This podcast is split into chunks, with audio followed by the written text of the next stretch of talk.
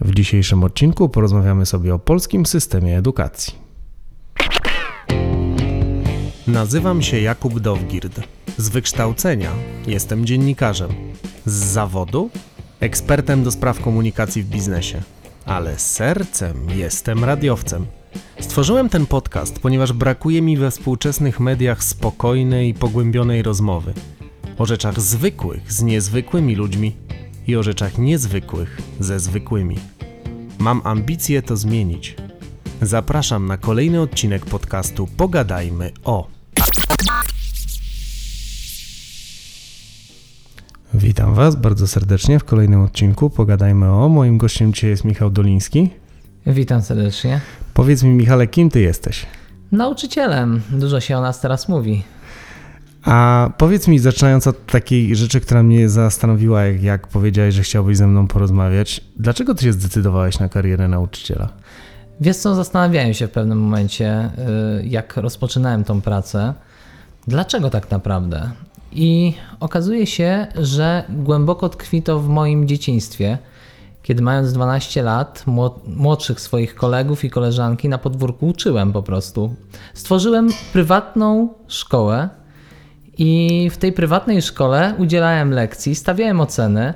I gdzieś to, to, to jednak zostało. I myślę, że nawet ta możliwość kariery naukowej, która się przede mną otwierała, czyli studia doktoranckie na Politechnice Warszawskiej, spowodowały, że, że jednak gdzieś tam w głębi serca chciałem być y, właśnie nauczycielem. No i tak się stało. A jakich przedmiotów ty uczysz? Chemii i fizyki. Okej, okay, czyli przedmioty ścisłe. Powiedz mi, zanim przejdziemy, bo rzeczywiście słusznie powiedziałeś, że bardzo dużo się teraz mówi o, o, nauczycielach i o tym, co się dzieje w polskim systemie edukacji, to jeszcze chciałem Cię trochę o tą Twoją karierę podpytać. Co Ci daje największą satysfakcję w pracy?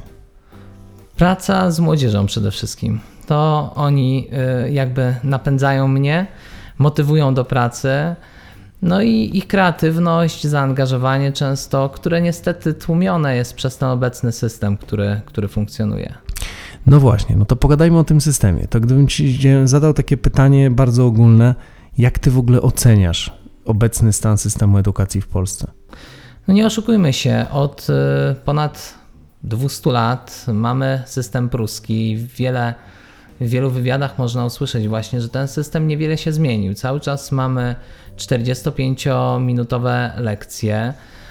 I te przedmioty, które od zawsze istniały, istnieją nadal. Nie pojawiają się nowe przedmioty, mimo że neurodydaktycy, specjaliści i fachowcy od rozwoju mózgu też mówią, że, że powinno się jakby tą szkołę pobudować na nowo. Są takie osoby, osoby, którymi ja się też kieruję, którzy jakby zainspirowali mnie do tych działań, które podejmuję w obecnej pracy, w obecnej szkole. Między innymi chodzi o tutaj o pana Witolda Kołodziejczyka, który w Słupsku obecnie robi y, super robotę i angażuje młodzież w różnego rodzaju projekty. Ostatnio nawet y, stworzył wyjazd y, do Kanady, gdzie byli przez miesiąc czasu z młodzieżą. Tam oni się uczyli i nie tylko uczniowie się uczyli, ale i oni sami, tak? Poznawali inną kulturę, i, i to jest właśnie ten, ten system, gdzie y, powinniśmy iść właśnie z duchem czasu, powinniśmy y, korzystać z tych technologii coraz częściej na lekcjach. Zresztą y, często jak słyszę od moich starszych kolegów, no ale co się czepiamy tego starego systemu?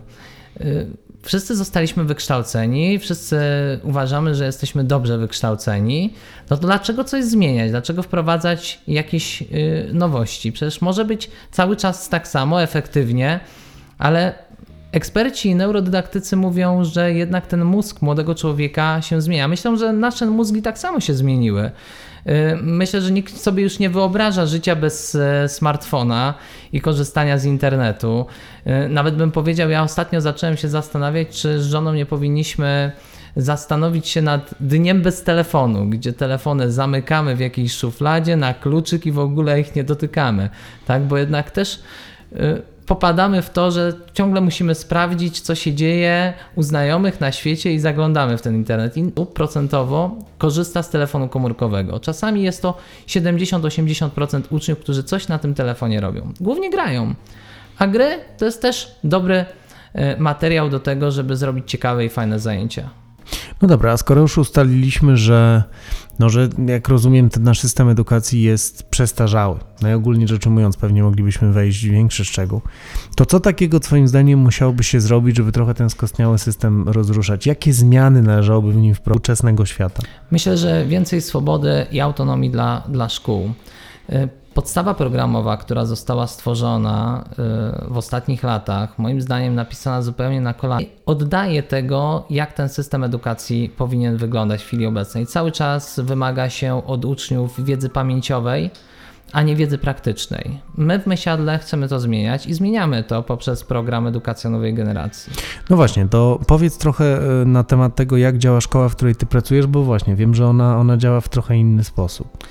My od 6 lat e, tak naprawdę pracujemy w zupełnie innym systemie, a mianowicie mamy już w tej chwili program, który się nazywa Edukacja Nowej Generacji. Założeniem tego programu jest e, kształtowanie zupełnie innych postaw u tego młodego człowieka, angażowanie go na lekcji, tak żeby on nie przyswajał wiedzy od nauczyciela, tylko sam ją zdobywał. Stosujemy w swojej pracy metodę WebQuestu, czyli poszukiwania informacji w zasobach sieciowych. Wiemy sami z doświadczenia, jak dużym problemem jest to w chwili obecnej dla nas. Kiedyś rozmawiałem z moim profesorem, powiedział, że kilkadziesiąt lat temu było zdecydowanie dla niego łatwiej poszukiwać informacji. Mimo, że musiał zamknąć się w bibliotece i tam tomy, że tak powiem, za tomem przeglądać w poszukiwaniu y, wiedzy, której potrzebował. W tej chwili w internecie jest mnóstwo różnego rodzaju informacji, ale problem jest z wyselekcjonowaniem ich. I tego chcemy między innymi kształcić naszych, u, u naszych uczniów, właśnie, żeby umiejętnie selekcjonowali tą wiedzę, żeby umieli ją przekuć w, co, w coś zupełnie innego. Jeden z moich ostatnich projektów to szafki ubraniowe. Chciałbym, żeby uczniowie mogli te szafki pomalować w różnego rodzaju akcenty nawiązujące do fizyki. Zrobiłem projekt, którego celem jest stworzenie takiego modelu szafki związanej z optyką. I myślę, że fajnie im to wychodzi. I mam zielone światło od dyrekcji. Właśnie otwartość dyrekcji jest też dużym atutem, że będą mogli być może to zrealizować tak, że na, na tych szafkach rzeczywiście ten ich projekt zostanie odzwierciedlony. W przyszłości myślimy również o drzwiach, że nasze drzwi do pracowni też będą z akcentami przygotowane przez naszych uczniów. No dobra, a skoro mówisz, że, że ta mm, cała koncepcja edukacji w waszej szkole powoduje, że trochę bardziej stawiacie na to, żeby mm, uczniowie sami byli w stanie znaleźć informacje, to jaka w tej koncepcji jest rola nauczyciela? Nauczyciel ma wspierać e, ucznia, a nie przekazywać e, suchą wiedzę i fakty. Czyli jest jakby mentorem, pomaga, ale nie daje o, o, od razu rozwiązań. I to jest też często dla nas duży problem, bo my się też przyzwyczailiśmy jako nauczyciele do tego, żeby jednak, no, wykształciliśmy się, chcielibyśmy tą wiedzę przekazać, a tu raptem nasza rola się zmienia i tak naprawdę mamy tego ucznia stymulować do tego, żeby on poszukiwał, zadawać pytania, ale nie udzielać mu odpowiedzi. A jak taka szkoła, no bo ja mam też teraz, teraz taką refleksję, że to jest nietypowe podejście w polskim systemie edukacji. I jak potem uczniowie wykształceni w tym modelu, który notabene bardzo mi się podoba, jak oni sobie potem radzą, powiedziałbym, na rynku, idąc do, do szkoły średniej, potem idąc na studia? Myślę, że coraz więcej szkół stawia właśnie na te właśnie miękkie różne umiejętności, czyli umiejętność autoprezentacji, umiejętność pracy w grupie i myślę, że nasi absolwenci sobie w kolejnych, na kolejnych etapach edukacji poza szkołą podstawową czy gimnazjum świetnie będą radzić.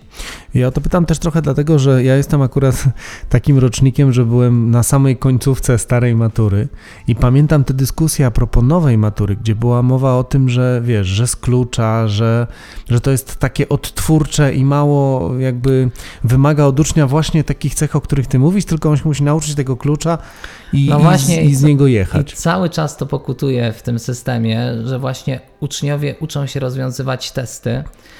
I my wiemy, zdajemy sobie sprawę, że tak naprawdę ten egzamin przed naszymi uczniami, on nie sprawdzi tych umiejętności, które oni nabyli w tym procesie, bo nie sprawdza umiejętności właśnie tych miękkich.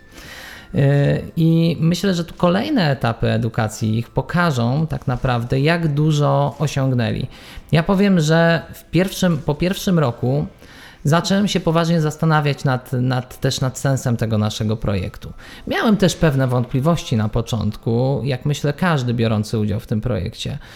Czy ci uczniowie nie będą kombinować, nie będą szukać jakichś innych rzeczy w internecie, zamiast zająć się pracą, e, będą szukali gier i jak tu, prawda, się wymiksować od pracy i od szukania. Okazuje się, że nie, że rzeczywiście przez rok zrobili bardzo duży postęp, zupełnie inaczej y, pracują w grupie, zupełnie inaczej y, również podchodzą do prezentacji.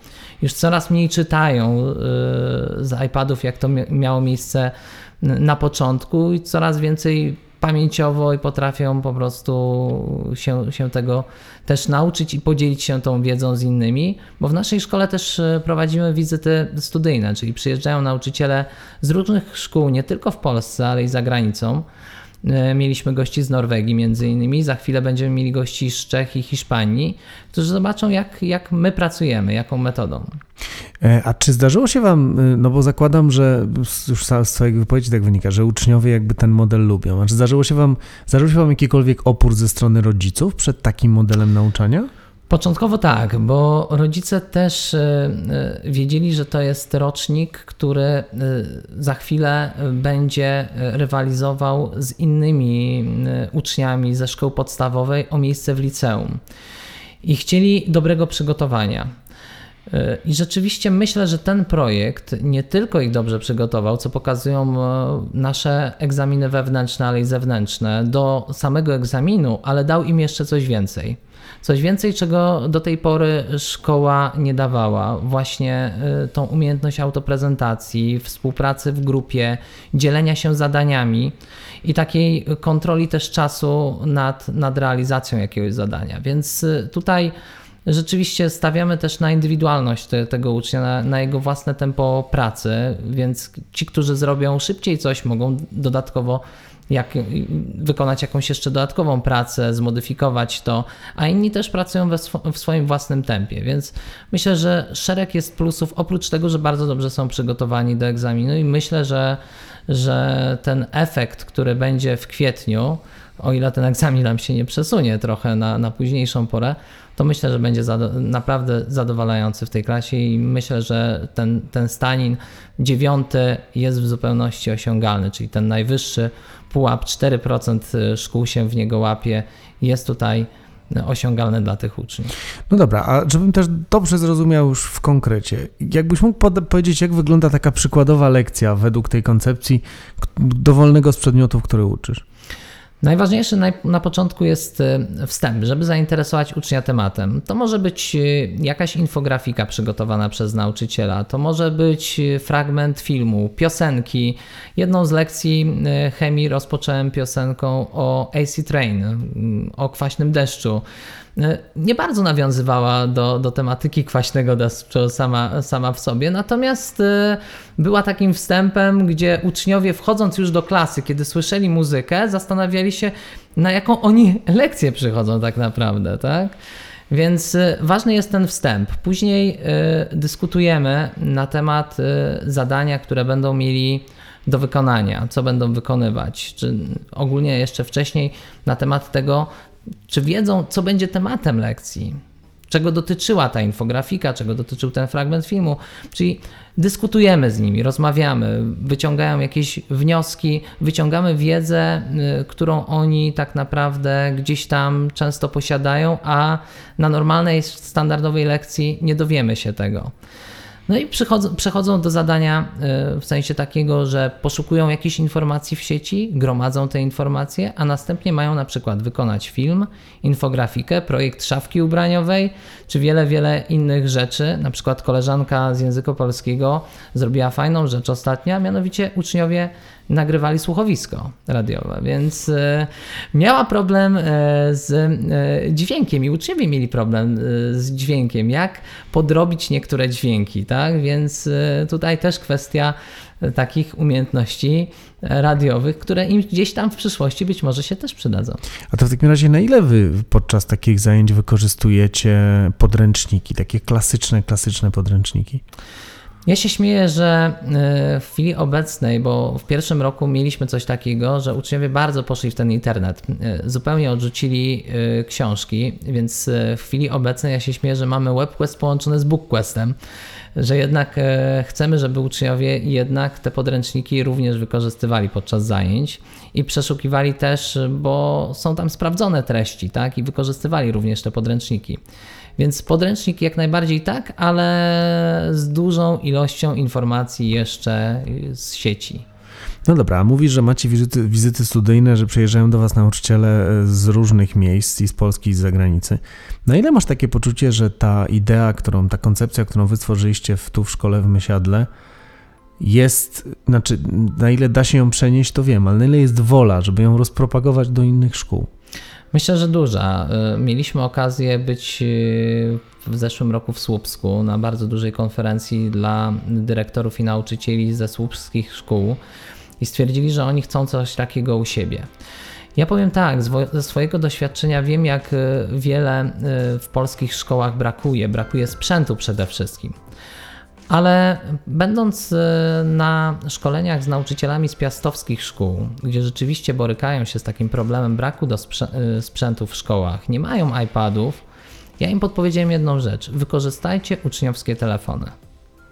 To jest narzędzie, którego nie, nie powinno się zakazywać w szkole. Można je doskonale wykorzystywać i uczniowie mogą kręcić nimi filmy, mogą je montować, mogą szereg różnych rzeczy wykonywać, bo taki telefon komórkowy to już nie tylko służy do dzwonienia, ale i, i do poszukiwania informacji w internecie, ale jest mnóstwo aplikacji, które na przykład mogą kontrolować wstrząsy, mogą e, prawda, mierzyć poziom natężenia dźwięku, więc wiele różnych takich aplikacji, które można wykorzystać na lekcji. Fajne, lecz to jest rzeczywiście zabawne, bo ja to pamiętam, jakby ja byłem w liceum, Jezusie Maryjo, 15 lat temu kończyłem. I wtedy przy takie telefony wszyscy nas ganiali, a teraz, teraz są one nawet dozwolone. No dobra, to y, skoro już powiedzieliśmy o dużej ilości bardzo pozytywnych rzeczy, bo jestem naprawdę bardzo pozytywnie zaskoczony tym wszystkim, co mówisz, to mógłbym zadać przewrotne pytanie, to dlaczego ty jutro bierzesz udział w referendum, żeby głosować, czy będziecie strajkować w egzaminy, czy nie? No właśnie, skoro jest tak dobrze, tak, e, no to dla, dlaczego? No powiem tak, u nas rzeczywiście nie możemy e, w Mysiadle narzekać na e, brak warunków, świetnych warunków do pracy, ponieważ w każdej sali mamy tablicę interaktywną, mamy 80 ponad sztuk iPadów, ale to w dużej mierze gwarantujemy samorządowi terytorialnemu, czyli gminie Lesznowola, która stawia na edukację i która inwestuje w tą edukację naprawdę duże pieniądze. Natomiast wiele szkół czegoś takiego nie ma. I my patrzymy też przez pryzmat tych innych nauczycieli w, różnym, w różnych miejscach Polski, tych nauczycieli, którzy do nas e, też e, przychodzą, tych młodych, którzy na początku dostają 1750 zł, no i są załamani, bo e, widzą oferty w różnego rodzaju e, sklepach, dyskontach, e, gdzie zdecydowanie więcej można zarobić, a tych obowiązków naprawdę w szkole jest dużo. Często się mówi, że nauczyciel ma boskie życie, 18 godzin zajęć, później 3 miesiące wakacji. Tak naprawdę nie jest. Nasz tydzień pracy to 40 godzin. To, że 18 godzin dydaktycznych mamy przy tablicy, to nie jest wszystko. Mamy również e, sprawdziany, przygotowujemy się do lekcji, chcemy się rozwijać, doskonalić, e, czyli e, chcemy korzystać z różnego rodzaju szkoleń, no a do tego też są jakieś środki potrzebne, również nasze prywatne. Więc tutaj myślimy przede wszystkim o tym, żeby poprzez ten strajk chcemy nie tyle się dorobić, jak niektórzy tutaj mówią. Chcemy po prostu też e, realnych y, zmian w systemie edukacji, zmiany podstawy programowej, zmiany y, tego, jak, jak ta sz- szkoła w chwili obecnej funkcjonuje. Więc y, no, przykro mi jest niezmiernie jako nauczycielowi, że y, nasze środowisko jest tak marginalizowane i że y, społeczeństwo tak jest dezinformowane y, o pracy nauczyciela A myślę, że y, jaka edukacja, taka przyszłość Rzeczpospolitej. Więc tutaj Zgadzam się. No dobra, ale gdybyś mógł w takim razie w dwóch słowach powiedzieć, jakby jaka jest idea tego strajku? Znaczy, jeżeli to referendum, które się odbywa, e, jakby 50% nauczycieli opowie się za strajkiem, to co będzie się działo dalej? No, przewidujemy, tak jak y, mówi Związek Nauczycielstwa Polskiego, że 8 y, kwietnia szkoły wstrzymają pracę. Czyli jeżeli y, nauczyciele wykażą się tym razem dużą solidarnością i razem, wespół, wespół, będziemy walczyć o dobro polskiej szkoły, o dobro edukacji i dobro dla naszych dzieci, dla również mojego 15-miesięcznego syna, tak? Chciałbym, żeby chodził do szkoły, w której y, pracują fachowcy, ludzie, którzy nie muszą gdzieś tam pędzić z jednej pracy do drugiej, żeby utrzymać się i, i opłacić wszystkie kredyty. Ludzie, których stać na przykład jak nauczyciela y, historii czy geografii, żeby wyjechać, poznać różne regiony świata i o tym opowiadać później swoim uczniom. Więc y, chcę na pewno, chcemy na pewno tutaj y, zmian, istotnych zmian w tym, w tym całym systemie.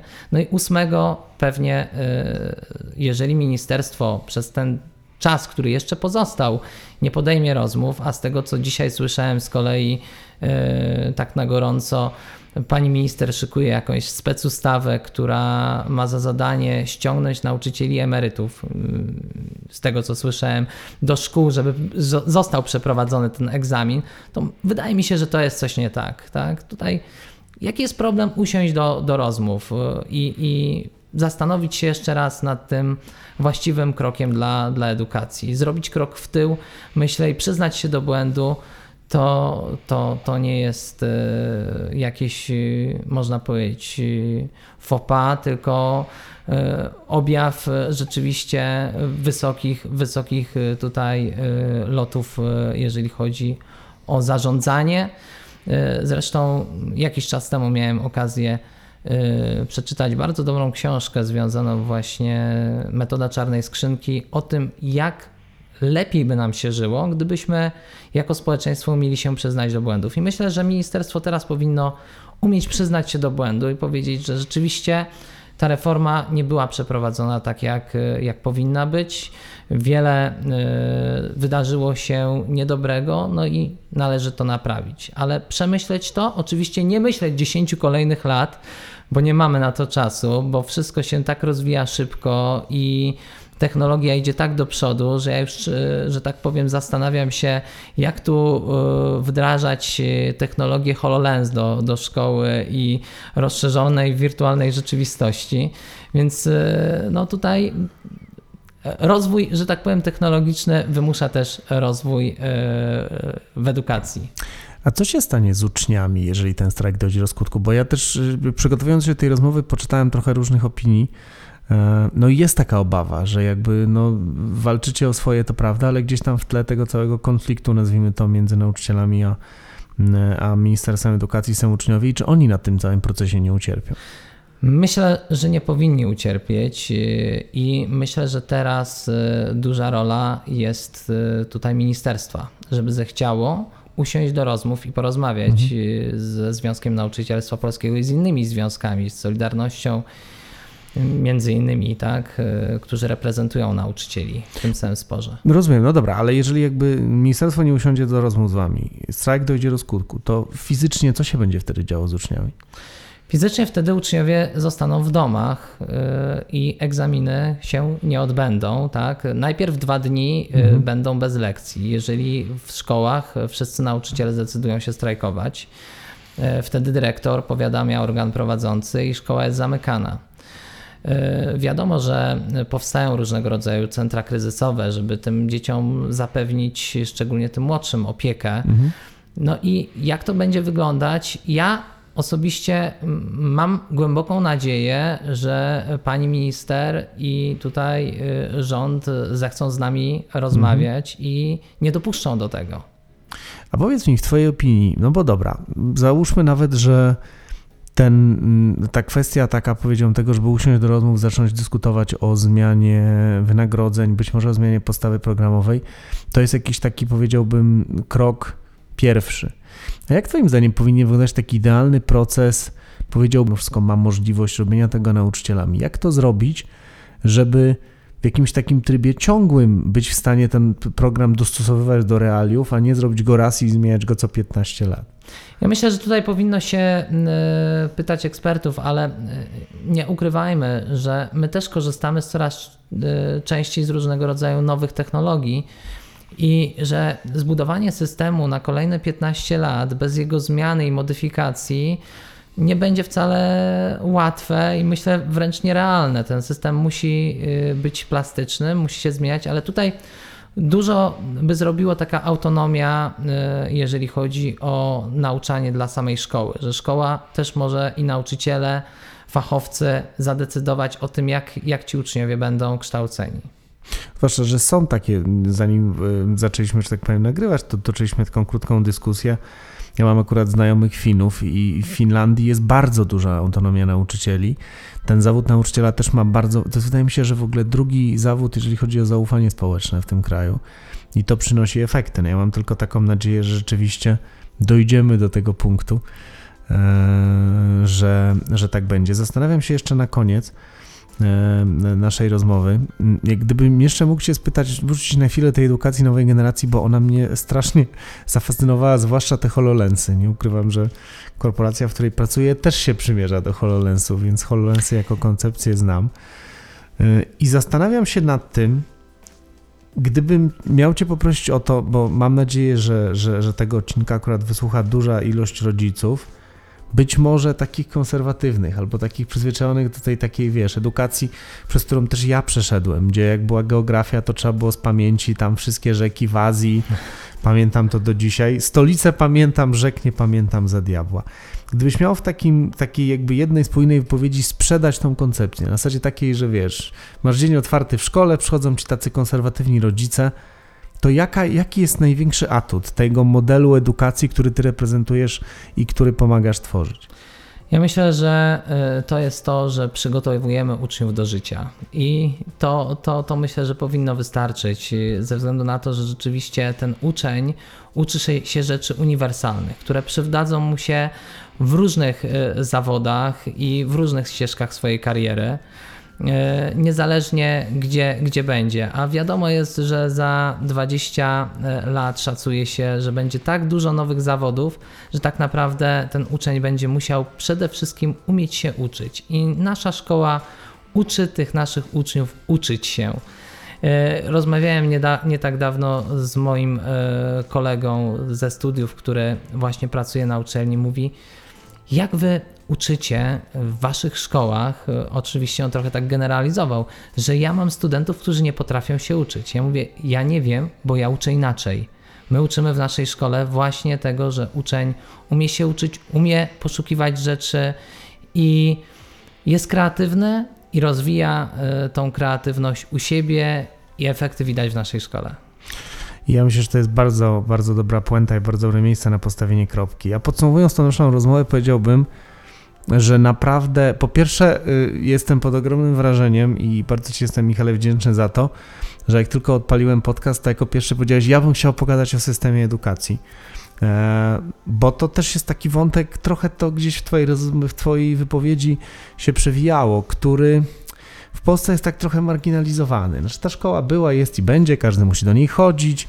Większość osób się przyzwyczaiła do tego, że ona najpierw miała 8 klas, potem miała 6 i gimnazjum. Teraz to zostało cofnięte, ale ja nie mam takiego poczucia, że jest właśnie jakaś taka, powiedziałbym, ożywiona i stała dyskusja, jak to zrobić, żeby ludzie uczyli się coraz lepiej. Więc takie inicjatywy jak e, ta, którą pokazałaś, są właściwie no, powinny być wynoszone na piedestał, a jak rozumiem, je, jeszcze tak się nie dzieje. Więc trzymam naprawdę gorąco kciuki, żeby ja to mogę się... jedynie zaprosić jeszcze przy okazji na Dzień Rodziny w szkole właśnie w naszej szkole podstawowej w Mysiadle imienia polskich olimpijczyków. E, tam na pewno będzie można porozmawiać z samymi uczniami i skorzystać z warsztatów, które przygotowali oni. A kiedy ten dzień jest? E, To jest 18, e, 18 maja w sobotę, Dzień Rodziny, zawsze co roku duża impreza. I tym razem nasi uczniowie będą bardzo mocno zaangażowani w różnego rodzaju warsztatach, również dla, dla gości. Też będzie można się dowiedzieć i zobaczyć, jak się e, uczą nasi uczniowie i poczuć się uczniem. A widzisz, że to dobre jest, bo to chyba nie ma lepszej metody niż, niż sprawdzić to w praktyce. E, Michale, bardzo Ci dziękuję za to, Ja że, również. że pojawiłeś się u mnie w domu, bo dzisiaj nagrywamy, nagrywamy u mnie w domu, więc te wszystkie trzaski i huki, które słyszeliście, to są moje koty, które gdzieś tam szaleją i tak jest lepiej niż myślałem. E, słuchajcie, chciałem Was serdecznie zaprosić na stronę internetową naszego podcastu www.pogadajmyo.pl. Tam są wszystkie informacje na temat, na temat te, tego, co robię i wszystkie nowe odcinki. Odcinki znajdziecie też na wszystkich właściwie głównych platformach e, podcastowych, czyli na Spotify'u, na Google Podcasts, na Apple Podcasts. E, Jeżeli ten odcinek Wam się podobał, to pamiętajcie, że możecie nasz podcast subskrybować e, i im nas będzie więcej, tym lepiej i tym łatwiej będzie nam takie idee jak chociażby edukacja nowej generacji rozprzestrzeniać wśród ludzi. Więc subskrybujcie, udostępniajcie znajomym. E, Zachęcam Was też do kontaktu ze mną. Kontakt małpa pogadajmy o Facebook, Instagram i e, Twitter jak najbardziej. Facebook e, jest fanpage Pogadajmy o, Twitter at Pogadajmy o i Instagram Pogadajmy o podcast. Tam umieszczam też wszystkie informacje, które wydają mi się, że mogą być dla Was interesujące. Przypominam również, że podcast został wyprodukowany przez Black Cloud Media. Clouds Media. Sound is our thing. Let us make it yours. Podcast and audio production. Dziękuję Ci Michale raz jeszcze i do usłyszenia. Dziękuję bardzo.